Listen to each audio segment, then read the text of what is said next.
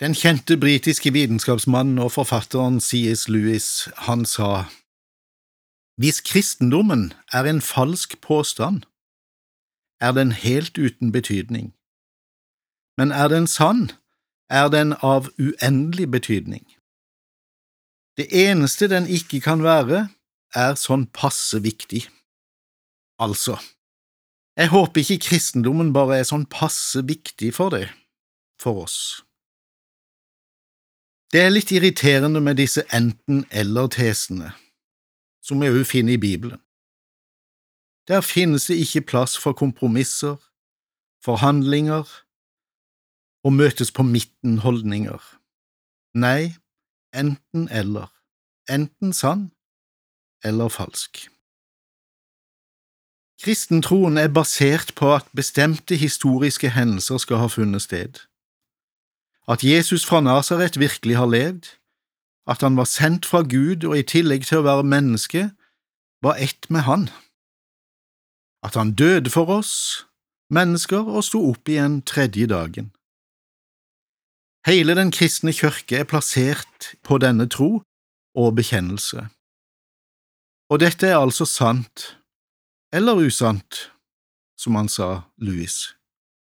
Det vil si, Enten var Jesus en sprøytegal løgner med alle sine utsagn og gjerninger, og han må jo òg ha vært omgitt av falske vitner og en skokk galninger som har ført løgnen videre.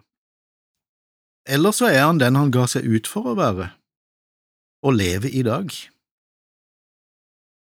En del mennesker jeg snakka med, har sagt ja, det er greit nok, troen passer for det, men ikke for meg. Mange sier det slik, men denne relativistiske påstanden blir umuliggjort av både Bibelen og C.S. Lewis. Sannheten er nemlig den at hvis kristendommen er falsk, så er jeg i ferd med å kaste bort livet mitt på eventyr og myter. Å jobbe i Nordmisjonen som jeg gjør, blir da det reneste tullball. Følelsen mine av gudsnærvær og trøst og håp og kjærlighet troens fellesskap og alt dette her, det er da egentlig bare bygd på løgn og bedrag. Naivt sjølbedrag, kunne jeg beskylde meg sjøl for da. Og kirka på jord kan da sammenlignes med Disneys eventyrverden. Og Jesus han kan sammenlignes med Albert Aabergs Skybert, altså en fantasifigur. Men hvis det er sant, hva da? Charles Colson, rådgiver for eh, president Richard Nixon, senere fengsla for bedrageriet han var med på under Watergate-skandalen, han ble en kristen. Og en gang så sa han, Jeg vet Jesu oppstandelse er fakta, og Watergate beviste det for meg. Hvordan? Fordi tolv menn vitnet om at de hadde møtt Jesus etter oppstandelsen, og holdt fram dette vitensbyrdet og hevdet denne sannheten i 40 år. Ingen benektet det eller trakk seg fra denne sannheten. Alle ble slått, torturert, steinet og satt i fengsel på grunn av dette vitensbyrdet eller denne påstanden. De hadde aldri holdt ut alt dette hvis ikke det var sant.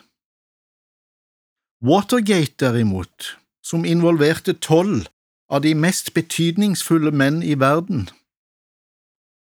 De klarte ikke å holde på løgnen i mer enn tre uker før de ble avslørt.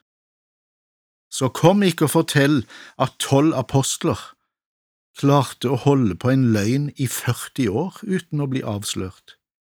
Det er helt umulig. Ja, hvis det er sant, da er ikke Jesus uaktuell for noen. Da er det ikke ok for noen å leve borte fra Jesus. For da vil vi feise han uansett, møte han ansikt til ansikt uansett, enten vi vil det eller ikke. En dag. Enten vi er engasjerte eller likegyldige. Da er vi rett og slett ikke på plass i livet. Men man er borte fra sin bestemmelse mening og hensikt hvis vi sier at det er uaktuelt. Da blir det avgjørende viktig og nødvendig å komme til rette med Jesus og få troen på plass. Og menigheten, som vi kanskje har mange tanker om, vil da plutselig bli din familie som med stor glede mottar deg når du kommer hjem. Altså fleip eller fakta. Kristendommen kan aldri bli sånn passe viktig. Enten er den av uendelig betydning for oss alle, eller den er totalt uten betydning. Jeg sjøl har valgt det første, og jeg syns svært mye tyder på at det valget er godt. Og så er det ditt valg. Et bibelord til slutt fra første Korintier 15. Hvis vårt håp til Kristus gjelder bare for dette livet, er vi de ynkeligste av alle mennesker. Men nå er jo Kristus stått opp fra de døde, som førstegrøden av dem som er sovnet inn. Fordi døden kom ved ett menneske, er også de dødes oppstandelse kommet ved ett menneske. For slik alle dør på grunn av Adam, skal alle få eie liv ved Kristus. Amen. Overåpen bibel var ved Inge Flåt. Serien produseres av Norea, og hver fredag formiddag tilbyr vi forbønn. Du kan ringe oss på telefon 38 14 50 20, 38 14 50 20, fra klokka 9 til klokka 11 på fredag.